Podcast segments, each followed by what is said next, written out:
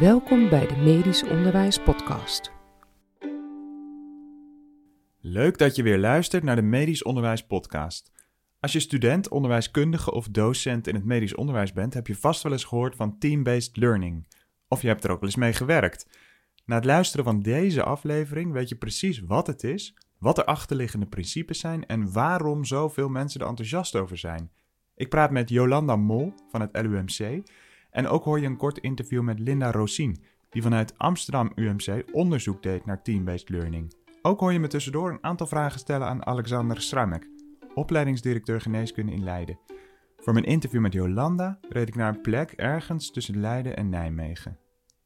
En ik ben op bezoek bij Jolanda Mol, onderwijskundige in het LUMC. Ze is ook cognitief psycholoog en ja, misschien kan ze het zelf beter vertellen, wat ze allemaal is en doet. Zou je dat willen doen, Jolanda? Ja, uiteraard, dankjewel. Um, ja, mijn naam is inderdaad Jolanda Mol en ik werk op het LUMC en ik ben daar onderwijskundig adviseur. Uh, ik doe daar heel veel uh, dingen uh, en een van de activiteiten is het activerend onderwijs stimuleren en verbeteren. En in die hoedanigheid zitten wij hier met elkaar. Ja, want we gaan het hebben over dat activerend onderwijs. Klopt. Jij wil het anders hebben. Ik wil het, uh, ik wil in, nou, wat ik heel erg belangrijk vind, is dat het onderwijs activerend wordt aangeboden, zodat de student wordt geprikkeld om mee te doen. En uh, daar heb je onderwijsvormen voor nodig en daar heb ik me in verdiept. En zodoende ben ik terechtgekomen bij uh, team-based learning. Team-based learning. Dat doen wij trouwens ook in het Radboud UMC. Ja, ik heb begrepen dat jij ook docent bent ja. en dat je regelmatig onderwijs geeft. Dus misschien is het wel goed om een vraag aan jou te stellen. Als jij onderwijs geeft, wat wil je dan bereiken? Um, ja, je wilt dat, die, dat, dat de studenten de leerdoelen halen. Um, dat ze, en, en, en, en dat ze uh, meedoen natuurlijk met het onderwijs, actief meedoen. Daar ook wel zelf verantwoordelijkheid voor nemen. En uiteindelijk willen bereiken dat het goede uh, dokters worden in mijn geval. Want ik geef les aan geneeskundestudenten. Mm -hmm. En lukt dat ook met het onderwijs wat je geeft? Ja. Um, Halen ze hun leerdoelen? Zijn ze geactiveerd? Dat kan soms wat beter. Ja. ja. ja. Dat is herkenbaar. Het is ook heel moeilijk om dat te bereiken. Uh, en uh, een onderwijsvorm helpt daarbij. En team-based learning is een onderwijsvorm die je helpt om ervoor te zorgen dat die leerdoelen worden bereikt. Maar ook vooral dat die student geactiveerd is om mee te doen. Uh, ja, en eigenlijk zelf aan het leren is tijdens de les. Ja. Misschien is het leuk om nu even te horen van Dr. Stramek, de opleidingsdirecteur in Leiden, waarom hij kiest voor team-based learning. De reden waarom ik gekozen heb voor team-based learning is omdat het eigenlijk past bij de manier van werken als arts. Een belangrijk deel van ons werk is namelijk zelfstudie. Dat blijf je namelijk de rest van je leven doen als arts. En verder werken we als artsen veel samen, waarbij we van elkaar leren en gezamenlijk als een team een probleem proberen op te lossen of een patiënt proberen te helpen. Kun je dan iets meer daarover vertellen? Nou, zeker. Het is een, uh, een onderwijsvorm, eigenlijk volgens een uh, flipping the classroom principe, waarbij op heel gestructureerde wijze wordt samengewerkt in groepen. Team-based learning is een format waarin het, het voordeel van het leren in kleine groepen, wat we allemaal kennen in die werkgroepen, uh, wordt toegepast in grotere groepen. En heel kenmerkend aan dat uh, team-based learning is, is de accountability, hè, de verantwoordelijkheid die studenten zelf moeten nemen om die les te laten slagen. En een ander kenmerk, dat is het vaste format waarin, het, uh, waarin TBL plaatsvindt. Hm. Dus er is een vast format, wat er dan gevolgd wordt? Uh, misschien is het nog goed om te zeggen wat nou de essentie is. Hè? Dat in de, uh, het is belangrijk dat uh, studenten leren door het bediscussiëren van relevante, veelal klinische problemen. Dus dat je kijkt van nou, wat is nou de praktijk waar de student later mee te maken krijgt. En wat wil je nou, wat wil je nou dat de student over tien jaar nog weet. En dat je daar ook tijdens die les al op ingaat. Dus het wordt ontworpen volgens een backward design principe. Je kijkt wat wil je in de toekomst en wat hebben ze dan nu nodig, wat moeten ze dan kunnen en wat voor uh, materiaal is daar dan voor nodig, wat moeten ze dan weten. En je kunt het je zo voorstellen in een uh, team-based learning setting heb je uh, bijvoorbeeld een hoorcollege of een werkcollege van bijvoorbeeld 60 studenten, dus best een grote groep, mm-hmm. die allemaal in eigen kleinere groepen aan het werk zijn. En dat zijn groepen van vijf tot zeven uh, studenten die bezig zijn om antwoord te vinden op de vragen die je als docent hebt gesteld. Dus dat zijn acht groepjes tegelijk of zo? Dat zijn uh, verschillende, ja, acht groepen tegelijk bijvoorbeeld. En een groep van 60 studenten behappen is best heel erg veel. Daarom hebben we werkgroeponderwijs. Maar in dat team-based learning principe is het zo dat je een team aanspreekt. Dus uh, uh, je spreekt de teamvertegenwoordiger aan, waardoor je als docent eigenlijk maar te maken hebt met acht personen. Vervolgens laat je, als je verdere vragen hebt, het team zelf weer in discussie gaan. En dat maakt het voor jou als docent behapbaar om te doen en ook met grotere groepen te werken. Dus je kunt je voorstellen dat een hoorcollege op deze manier kan worden omgezet. Dan moet je wel wat ervaring hebben als docent, want het faciliteren van zo'n groep vraagt wel wat van je. Mm maar je kunt ook uh, hè, kleinere groepen bij elkaar zetten. Hè. Wij hebben nu werkgroepen van 15 personen, maar je kan daar makkelijker dan 30 personen van maken, omdat je die individuele aandacht houdt voor de studenten. Ja, en je zei net, uh, het heeft een vast format. Um, en kun je daar dan iets meer over vertellen? Ja, het, het format van uh, team-based learning is heel belangrijk om aan te houden. Want wij weten dat als je uh, dat format aanhoudt, dat de leeropbrengst uh, toeneemt. en dat is wat we willen. Dus als je er onderdelen uithaalt, dan, ja, dan krijg je minder opbrengst. En daarom wil ik ook iedereen stimuleren om het gehele pakket van team-based learning te gebruiken. Uh, maar aan de andere kant is het ook goed om te kijken naar wat is nou de essentie en daar alvast iets van mee te pikken als je nog niet in de gelegenheid bent om alles te doen. Maar liever het hele ding. Het liever, uh, we zien heel graag dat team-based learning in zijn geheel wordt uitgerold, omdat je dan het beste leerresultaat krijgt. En um, binnen die afzonderlijke onderdelen is er wel weer heel veel vrijheid. Dus je hebt heel veel vrijheid als docent om de goede vragen te bedenken, om een um, mini-college te geven, om uh, de applicatieopdrachten zo in te vullen zoals je uh, denkt dat goed is. En ik denk dat dat uh, ook heel erg belangrijk is, want academische docenten hebben vrijheid nodig. het, maar tegelijkertijd is dat format een houvast. ik zal de onderdelen toelichten. Mm Het begint met een preparation, een voorbereiding. En dat is uh, de fase uh, die plaatsvindt voordat het, het college er is. En in principe doen studenten dit zelfstandig. Hè. Zij gaan uh, hun eigen stof die ze hebben opgekregen bestuderen. Dat kan literatuur zijn, een zelfstudieopdracht. Het kan ook een e-learning zijn. Of het kan ook zijn het, het bijwonen van een hoorcollege. En dat is eigenlijk dat flipping the classroom, denk ik. Ja, daar, daar, uh, als je vervolgens met elkaar komt en je bespreekt dat, dan heb je een flip in de classroom principe. Ja. um, en uh, het is, uh, de bedoeling is dat studenten zich voorbereiden, zodat ze met elkaar op vlieghoogte komen en met elkaar in gesprek kunnen gaan over de stof. en nu is vaak het geval dat studenten dat niet kunnen doen, omdat ze het niet, he, niet met elkaar in gesprek kunnen gaan, omdat ze niet goed zijn voorbereid, omdat ja. ze die literatuur niet hebben gelezen. En wat je ook ziet is dat er vaak een, uh, een deel is die het wel heeft voorbereid en een deel niet. En dan probeer je als docent het gesprek aan te gaan met degene die het uh, wel heeft voorbereid. Maar dan zie je dat een deel afhaakt. Dus degene die het niet heeft voorbereid, krijgt eigenlijk uh, de meeste aandacht. Dus je wil heel erg graag dat die les goed wordt voorbereid. En hoe kan je dat nou doen? Daar hebben ze over nagedacht. Nou, je begint met een toets. Dus je komt het college binnen en je begint gelijk met een toets. Dat is een individuele toets waarin je laat zien in hoeverre je de stof begrepen hebt. Vervolgens uh, ga je diezelfde toets, zonder dat je de antwoorden hebt gekregen, in je team behandelen. Dus in dat groepje van vijf à zeven studenten krijg je diezelfde vragen voorgelegd. En dan ga je die uh, vragen met elkaar uh, beantwoorden. Uh, en uh, besluiten, bediscussiëren wat uh, het, het goede antwoord zou moeten zijn. Dus dat zijn precies dezelfde vragen als in die individuele toets? Ja, dat zijn dezelfde vragen. Ja. Dus je hebt daar kennis van, je hebt erover gelezen, je hebt erover geleerd, -huh. je hebt erover nagedacht en je gaat met elkaar besluiten of het antwoord A, B of C of D is. En dat vul je in op een kraskaart. Dus je kruist het juiste antwoord. Uh, hè, als je overeenstemming hebt bereikt, kras je weg. En als je dat dan vervolgens hebt gedaan, krijg je directe feedback. Dus je weet meteen, oh, dit hebben wij als team uh, niet goed gedaan. We moeten nog een keer met elkaar in discussie. En dan is er ongetwijfeld iemand in dat team die, die zegt: Ja, dat dacht ik al, want ik heb dit gelezen. En zo zorg je dat je in die fase met elkaar alle ontbrekende kennis. Uh, uh, dat je die ontbrekende kennis uh, wel krijgt, omdat je met elkaar veel meer weet. Ja, Ja, dus dan heb je eigenlijk dezelfde vraag heb je dan twee keer gedaan. Eerst individueel en daarna met je groep. Ja.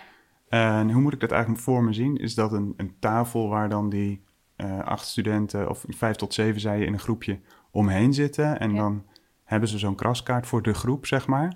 Ja, dat klopt. Ziet dat er zo uit bij ja, jullie? Ja, en er zijn eh, eh, speciale TBL-collegezalen. Mhm. Eh, wij hebben er nu één waar we heel blij mee zijn. Waar in tafel staan, flexibele opstelling, waarmee je met elkaar in discussie kunt gaan. En dat is wel handig als je, de, als je die ruimte hebt. Ja. Maar als het er niet is, dan Ja. roei je met de riemen die je hebt. En Ja. dan kijk je hoe je studenten gewoon. Ja, dus als je, soms zie je filmpjes voorbij komen op Aha. YouTube waar iedereen, eh, waar die studenten dan op de eh, trappen zitten en met elkaar in discussie gaan. Ja, dat zal overal een beetje anders gaan, natuurlijk afhankelijk van hoe het, er, eh, hoe het Ja. ingericht is. Ik weet dat, ze in het, dat wij in het Radboud UMC dat op de computer doen. Dus die, die testen worden op de computer afgenomen. Eerst individueel in ja, van die grote zalen met allemaal computers. En vervolgens zitten de studenten bij elkaar als een groepje bij zo'n computer. En dan, krijg je, dan is het geen kraskaart, maar is het zeg maar je digitale kraskaart. Waarbij je ook meteen feedback krijgt of de vraag eh, goed is. Ja. Ja. En die directe feedback is ontzettend belangrijk. Ja. En vervolgens eh, gaat een docent eh, op basis van de resultaten die behaald zijn, want dat kan je dan vrij snel zien als docent, in op die aspecten die niet helemaal goed zijn begrepen. Dus alleen datgene wat niet goed is begrepen, ga je behandelen.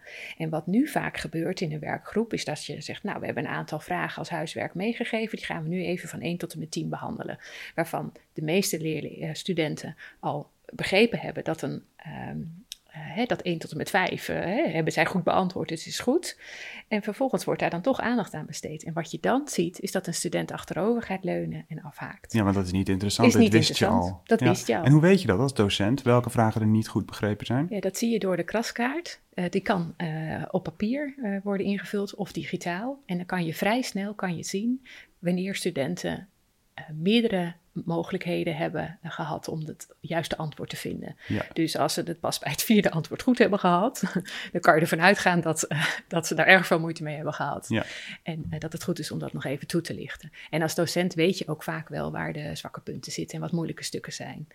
Dus je krijgt vervolgens als docent nog even de gelegenheid om jouw groep op vlieghoogte te krijgen en te zorgen dat ze de juiste voorkennis hebben om naar de volgende fase te gaan.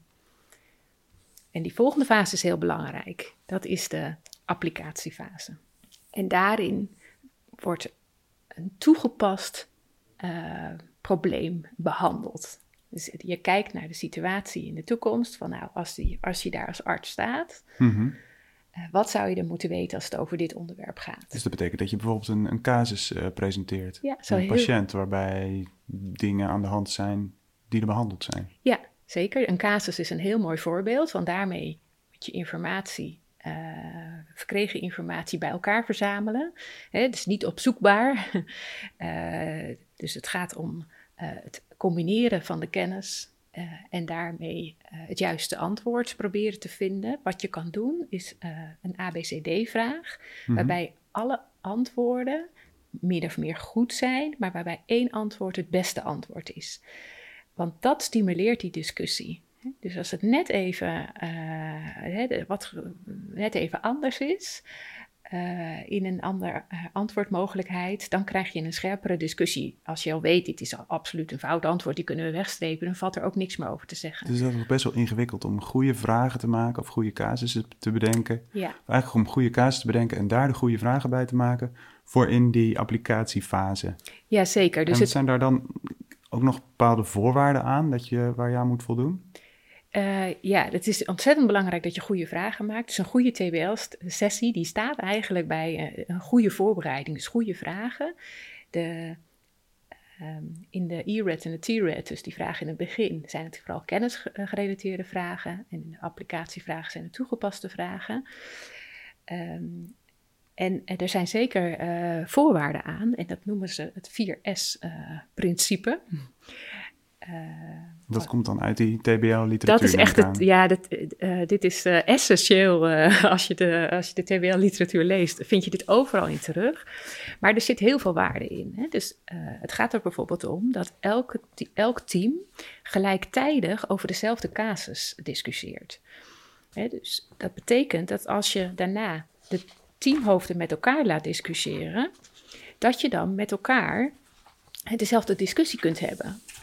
Wat nu vaak gebeurt, is dat je, eh, eh, dat je bijvoorbeeld studenten laat praten allemaal over een onderdeeltje. En dat ze dan aan elkaar gaan uitleggen Oh ja. wat ze hebben begrepen. Jullie doen vraag 1, jullie doen vraag 2. Ja. Maar nu doe je allemaal dezelfde Ja, vraag. maar Dat als je, als je één, vraag 2, vraag 3 laat behandelen, dan eh, kan je je voorstellen dat het eh, juist de verschraling is van de kennis die gedeeld wordt. Terwijl je juist de verrijking wilt van de kennis. En door met elkaar dan in de discussie nog te gaan van waarom heb jij als team 1 hiervoor gekozen en waarom hebben jullie als team 2 hiervoor gekozen, dan krijg je dat studenten weer geprikkeld worden om na te denken waarom iets eigenlijk wel of niet zo is. Dus het, gaat, het is heel belangrijk dat je hetzelfde, eh, dezelfde casus behandelt. En dat is een van die essen. Dat is een van de essen. En Dat is het eh, same problem. the same problem, ja.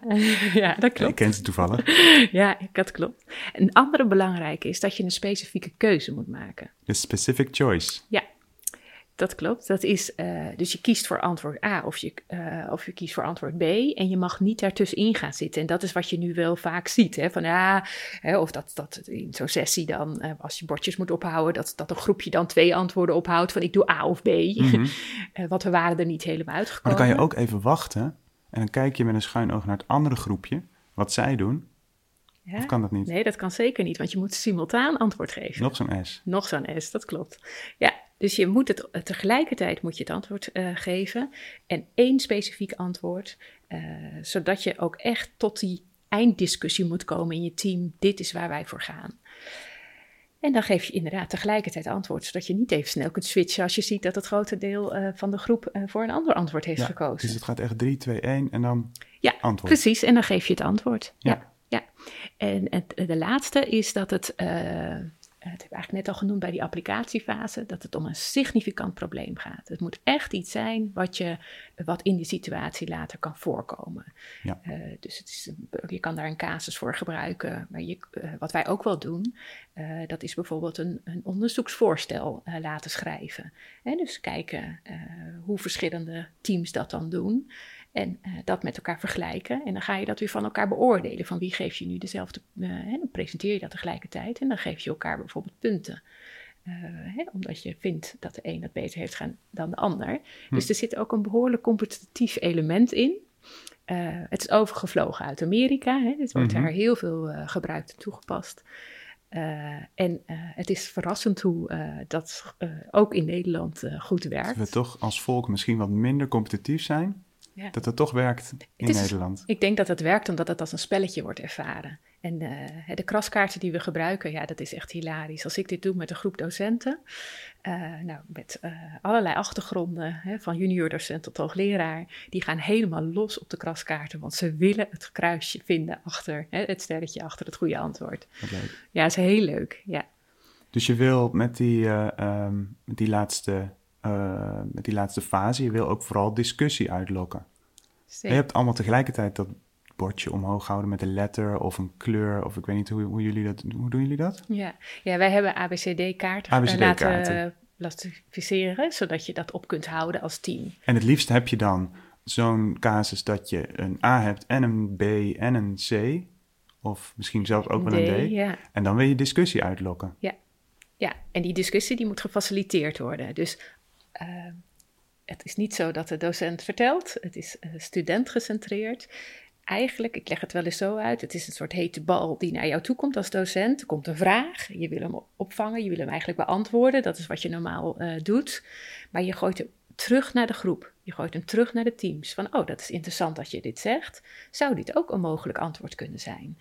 Team 2, wat vinden jullie van het antwoord van team 1 en de argumentatie die zij daarbij gebruiken? En zo probeer je alle vragen die er liggen terug te gooien en de discussie verder te stimuleren. Dus het faciliteren van de TBL-sessie is ontzettend belangrijk. Ja, en dan? Dan is het klaar. Dan is het nog niet helemaal klaar. Er zit nog een laatste uh, element aan vast en dat is de peer feedback. Uh, dat is, uh, je wilt dat alle uh, teamleden actief meedoen. Wat je nu vaak ziet aan project, bij projectonderwijs is dat er toch één of twee studenten een beetje afhaken en mooi meeliften. Dat wil je niet. Je wil die verantwoordelijkheid voor elke student. En dat betekent dat je aan het einde van een sessie, uh, dat kan bijvoorbeeld zijn als je drie weken minor onderwijs hebt gehad, dat je aan het einde dan een uh, peer feedback sessie hebt. en dan tegen elkaar zegt van nou, ik geef jou een aantal punten. op kwalitatief en kwantitatief niveau geef je feedback. Dus ik geef jou bijvoorbeeld drie punten, omdat ik vind dat je je stof heel goed hebt voorbereid. Ehm, maar je kan bijvoorbeeld ook zeggen: ik geef jou één punt. Je hebt wel heel erg veel kennis, maar je laat weinig, weinig ruimte voor mij over om ook in de discussie mee te doen. Dus hoewel je heel erg goed bent, kom ik toch niet goed. Uh, laat je mij niet goed uit de verf komen, waardoor we toch een aantal foute antwoorden hebben gegeven. En dat is in de samenwerking is dit natuurlijk een heel belangrijk aspect. Ja. Nou, een goede arts moet goed kunnen samenwerken, dus het is ook uh, iets wat je op deze manier goed doorontwikkelt. En als je hier goed gebruik van wil maken, dan is het belangrijk dat je langere tijd teams laat samenwerken met elkaar. Peer feedback naar een sessie van 2,5 uur uh, in een TBL-vorm, dat zou ik minder snel doen. dan zie je dat er al heel veel geleerd is en ben je blij met het resultaat als docent. Maar eh, als je dit echt goed doorvoert, dan zorg je dat die teams meerdere en langere perioden met elkaar samenwerken. Zodat ook die peer feedback echt helpt om de volgende keer ander gedrag te laten zien. Precies, want hoe geef je dat waarde mee? Nou, je kan dat bijvoorbeeld gebruiken door uh, studenten die scoren op allerlei uh, punten. Je kan uh, op de T-RED, op de E-RED en de applicatie. En je zou bijvoorbeeld bij de individuele toets er een factor aan kunnen hangen. als jij veel punten hebt gekregen in je peer feedback, dat jouw individuele toets daarmee wat omhoog wordt getrokken of wat naar beneden gaat. Ja. Dus, de, dus dat wordt op die manier ook gestimuleerd om goede uh, ja, om, om je bijvoorbeeld goed voor te bereiden. Ja, dat je daar goede feedback op wil hebben. Ja, dus die verantwoordelijkheid die studenten moeten nemen, die wordt door het format ook wel gestimuleerd. Ja. Zeker. Ja. Werkt het op die manier? Uh, het, werkt, het werkt zeker. Ja, ik, ik, denk dat het, wat we doen is geen rocket science. Hè? Het is al die verschillende onderdelen die bestaan al.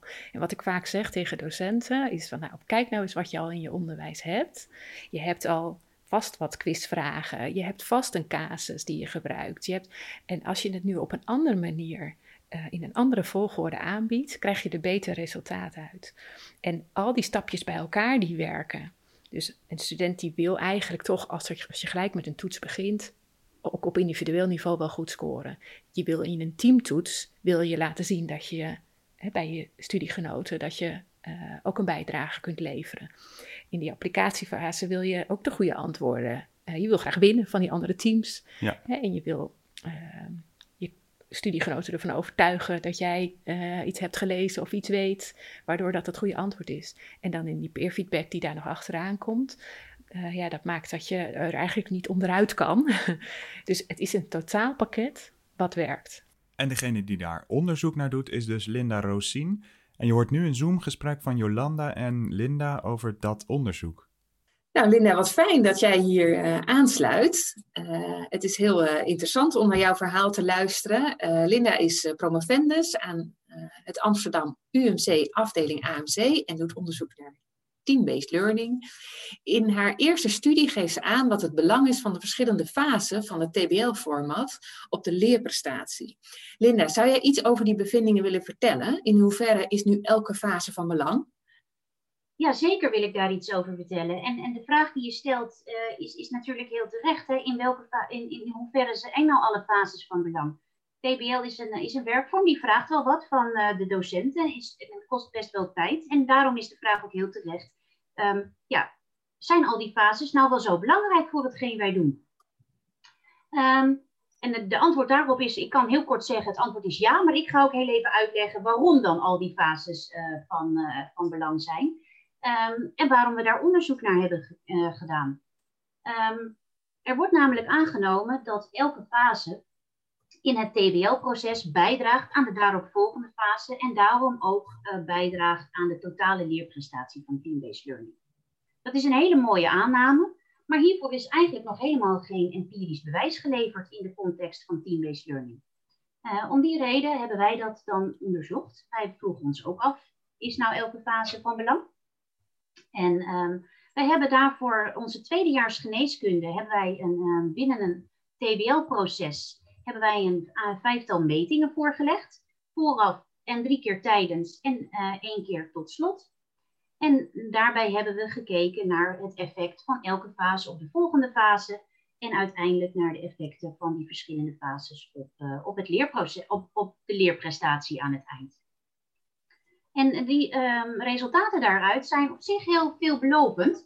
Um, want uh, het bleek dat uh, de verschillende fases een uh, effect hebben op elkaar. En um, een positief effect hebben op elkaar. Dus elke fase, het leren in elke fase draagt bij aan het leren in de volgende fase.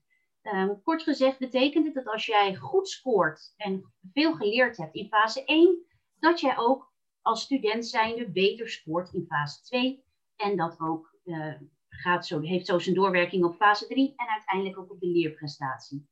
Wat ook heel mooi was om te zien, is dat als wij keken naar het effect van de verschillende fases op de eindprestatie van team-based learning, is als we elke keer een fase toevoegen, dat we het effect van uh, die kennisontwikkeling op de leerprestatie zagen vergroten. Dus dat betekent dat de fases op elkaar ook een toegevoegde waarde hebben op het eindresultaat. Dus in die zin um, kunnen we gerustgesteld zeggen dat elke fase van team-based learning er echt toe doet. Wat een mooi resultaat. Uh, fijn om te horen. En uh, ik begrijp dus uit jouw woorden dat het achterwege laten van een TBL-onderdeel niet verstandig is. Kijkend naar de leerprestaties. Nee, zeker niet. En um, dit onderzoek biedt op zich ook wel mooie aanknopingspunten om te kijken hoe we nu uh, gerichter uh, kunnen kijken naar de, het belang van elke fase en mogelijkerwijze die fase met interventies kunnen verbeteren om uiteindelijk uh, dat leereffect nog te versterken op de volgende fase en op het eindresultaat. Mooi. Nou, ik ben benieuwd naar de volgende onderzoeken die je gaat doen. Dankjewel voor je toelichting. Zeker, ik houd je op de hoogte. Jolanda, dit sluit wel heel erg aan bij hoe jij praat over team-based learning. Ja, ik heb echt een vreugdesprongetje gemaakt toen uh, mij de resultaten te oren kwamen van haar onderzoek. Zij is net begonnen als PhD uh, en uh, doet als eerste in Nederland op deze manier onderzoek naar, de, naar deze onderwijsvorm. En uit het onderzoek, zoals we hebben gehoord, blijkt dat al die onderdelen belangrijk zijn. En in het LUMC wordt heel positief gereageerd op TBL, maar ook wel kritische vragen gesteld. Is het nou echt wel nodig dat we het in zijn geheel zo invoeren? Ja, dan uh, word ik natuurlijk heel blij als uh, onderzoek aantoont dat het echt belangrijk is dat je al die elementen van het team-based learning goed inzet. Ja, ik kan me voorstellen dat niet alleen jij blij bent, maar dat veel meer mensen blij zijn als ze dit, ja, dit horen en ook uh, onderzoeken erover lezen die erg positief zijn. Ook de ervaringen uit het buitenland natuurlijk. Hè. We hadden het erover dat het overgewaaid is uit Amerika. Dat ze daar ook goede ervaringen hebben met het team-based learning. Maar hoe bouw je dat nou in je, in je curriculum? Ja, dat kan eigenlijk op verschillende manieren. Um, je kan een, een, enkele module omzetten. Uh, je kunt, uh, hè, dus wij hebben in de master VVV-weken en dan gaat het bijvoorbeeld over klinische genetica. Uh, en dat is één middag waar daar tijd voor is. En de docenten die hebben besloten dat ze dat in een TBL-vorm aanbieden. en dat is, een, dat is een middag. Dat is gewoon een losstaand iets op het AMC wordt er nu gebruik gemaakt uh, elke vier weken van een TBL-sessie. Dus je, dat is door het hele curriculum, uh, in ieder geval in het eerste jaar, zo ingebouwd dat je elke vier weken een TBL-sessie hebt. Dus um, dan blijven die teams ook met elkaar in stand, zodat je dat uh, effect van het leren van elkaar en de feedback die gegeven wordt goed kan meenemen. Um, op het LUMC kijken we in eerste instantie naar de problematiek die je ervaart als, de, als docent. Dus we kijken naar het onderwijs en de docent geeft bijvoorbeeld aan in een uh, evaluatie van nou, er is, het gaat wel goed, maar de interactie is erg beperkt. Ik ben erg aan het zenden en de studenten geven aan dat ze het ja, dat ze weinig geprikkeld worden. Nou, dan uh, kom ik om de hoek uh, met een idee wat ja. team-based learning heet. En dan gaan we kijken van, nou, kunnen we niet kijken of we dan die werkgroepen kunnen omzetten uh, naar een team-based learning sessie. En ja, ja. bottom-up, die docent, die moet dat zelf interessant vinden en denken dat dit een oplossing kan zijn. Uh, en dan uh, kijken we vooral naar het bestaande onderwijs. Dus wat heb je al in het onderwijs zitten wat je kan gebruiken? We moeten het niet te ingewikkeld maken, zodat ze de ervaring opdoen met een team-based learning-achtige sessie. Je zou je ook kunnen voorstellen dat een, een, een onderwijsdirecteur zegt: Nou, um, we gaan het nu van, vanaf nu gaan we het zo doen. Ga maar team-based learning doen, docenten. Ja, het zou voor mij natuurlijk heel leuk zijn. maar ik denk dat het niet zo werkt. Ik denk dat je echt docenten moet meekrijgen door zelf die ervaring op te laten doen. Als die docenten dan vervolgens ervaren hoe goed die studenten aan het leren zijn tijdens hun les, ja, daar worden ze zo blij van. Als ik ze tegenkom in de gangen, voor corona. Uh, als ik ze tegenkom, dan komen ze naar me toe en zeggen het is zo leuk. Ik heb, ze, ik heb echt die studenten zien groeien tijdens mijn les.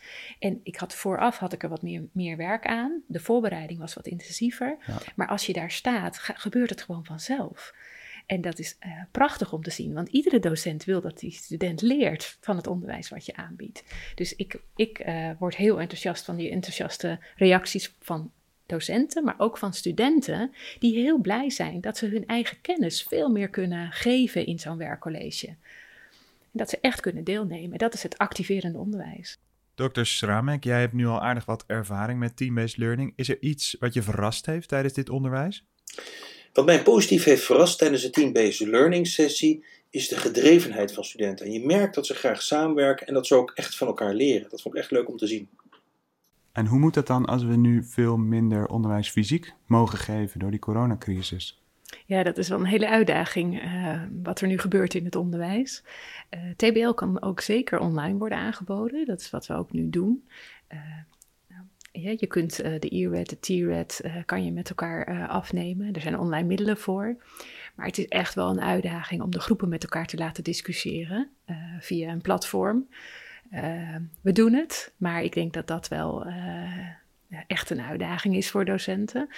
Uh, dus ik kan me goed voorstellen dat we straks, nou, als deze COVID-periode voorbij is en we weer fysiek met elkaar onderwijs kunnen hebben, dat er een blended vorm ontstaat. Dat er mm -hmm. bepaalde onderdelen vooraf worden gedaan, ook online worden gedaan. Je zou iets kunnen, vooraf al kunnen doen met een E-Red en een T-Red. Uh, die je dan vervolgens uh, uh, door die team zelf laat invullen. zonder dat je daarbij bent als docent. En dan kan je ook van tevoren kijken wat er is goed gegaan, wat er niet goed is gegaan.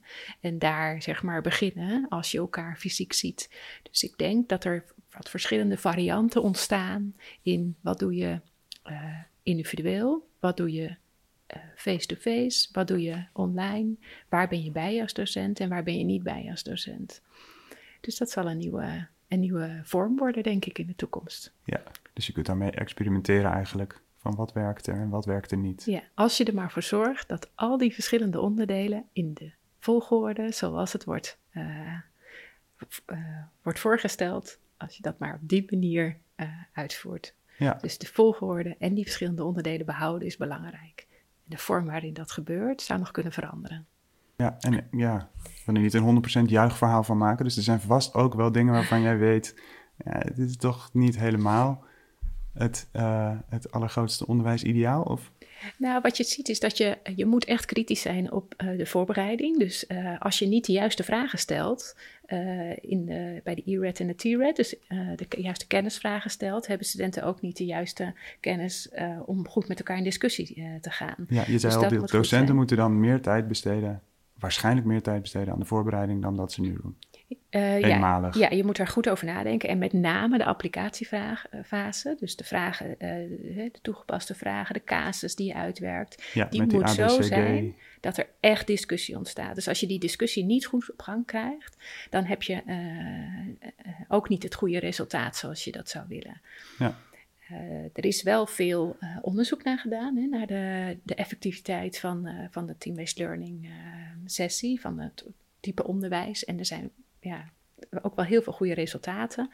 wat je ziet is dat uh, studenten die op een individuele toets hoog scoren, uh, dat die nog altijd lager scoren dan de teamscores zijn. Dus je, je ziet echt uit die enorme grote database en resultaten dat studenten in een team echt met elkaar beter het antwoord kunnen geven op de vragen. Dus daar zie je al een enorme. Ja, uh, ja. ze hebben dan gediscussieerd over die vraag en dan komt er altijd met elkaar komt er een beter antwoord. Ja, zeker, zeker. Dus dat is uh, nou ja, belangrijk. En je ziet ook dat de transfer naar de toekomst beter is. Dus dat het uh, op termijn echt beter wordt onthouden. Dus die club die bij ons, de klinische genetica, die heeft gezegd: wij doen die 2,5 uur. Want ons doel is dat het tussen de oren blijft en als die arts later, waar die ook staat, altijd nog even in gedachten houdt: oh ja, ik heb ooit iets gedaan met klinische genetica. Uh, dat was die ene leuke TBL-sessie waar ik zo actief was. die transfer van wat er geleerd wordt, uh, is dan uh, naar de toekomst makkelijker te maken. Dus dat is waar TBL sterk in is. Mm -hmm. En de tentamenresultaten, nou ja, die blijven over het algemeen gelijk. Uh, ze nemen niet af, dat is natuurlijk ook wel belangrijk. Maar de differentiatie uh, kan uh, beter zijn. Dus studenten die het goed doen, worden ook echt beter beloond. En studenten die het minder goed doen, worden minder goed beloond. Dus het is goed om te zien dat dat onderscheid er is. Dus dat jouw eigen inzet ook echt beloond wordt. Ja. En het andere is dat we kijken naar tevredenheid. En er zijn veel studenten tevreden over dit onderwijs. Uh, er is er altijd iemand uh, die uh, liever op een andere manier de informatie tot zich laat komen. Ik denk dat dat blijft. je zult altijd studenten hebben bij wie het minder aansluit, maar je krijgt een grotere groep geactiveerd mee. En dat is volgens mij ontzettend belangrijk. Ja, je kunt niet iedereen tevreden stellen. Van alle studenten. Nee, nee, we kunnen het zo goed mogelijk doen. En ik zou zeggen, neem de studenten zoveel mogelijk mee in het uh, studentgecentreerde verhaal waarin de student voorop staat, zodat ze zelf kunnen laten zien wat ze kunnen, wat ze uh, weten en dat kunnen gebruiken in hun lessen, dat zij leren. Ja, ik kan me voorstellen dat als docenten er net zo enthousiast uh, over zijn als jij bent, dat het dan helemaal goed gaat komen. Um, ik heb in ieder geval heel veel geleerd over team-based learning, ook al was ik er een beetje mee bezig, ik weet er nu nog meer van. En ja, dankjewel daarvoor in ieder geval. Graag gedaan. Dan nog een laatste vraag aan dokter Schramek, want misschien is nog niet iedereen laaiend enthousiast. Wat zou je willen zeggen tegen nieuwsgierige collega's die misschien toch nog wat huiverig zijn om team-based learning toe te passen? Wat ik uh, nieuwsgierige collega's met drempelvrees zou willen meegeven, is dat dit soort onderwijs eigenlijk veel leuker en inspirerender is dan een college afdraaien. Hoe interactief zo'n college ook is. En natuurlijk zul je vallen en gaat het niet meteen perfect. En eerlijk gezegd vond ik het ook eng de eerste keer en ging het ook absoluut niet perfect toen ik de eerste keer een, uh, zo'n TBL-sessie uh, gaf. Maar wat ik op zo'n moment altijd tegen mezelf zeg is: als je niet vaak genoeg gevallen bent, heb je niet voldoende geprobeerd. Ik moet zeggen, dat helpt elke keer. Dat was hem dan, aflevering 22 over team-based learning. Mijn naam is Remco Haringhuis en ik maak deze podcast samen met Ron, Hugo, Mark en Janine. Graag horen we wat je ervan vond. Kijk op medischonderwijspodcast.nl, op Soundcloud, op Spotify of in je eigen podcast-app voor meer afleveringen van deze podcast. Bedankt voor het luisteren naar de Medisch Onderwijs Podcast.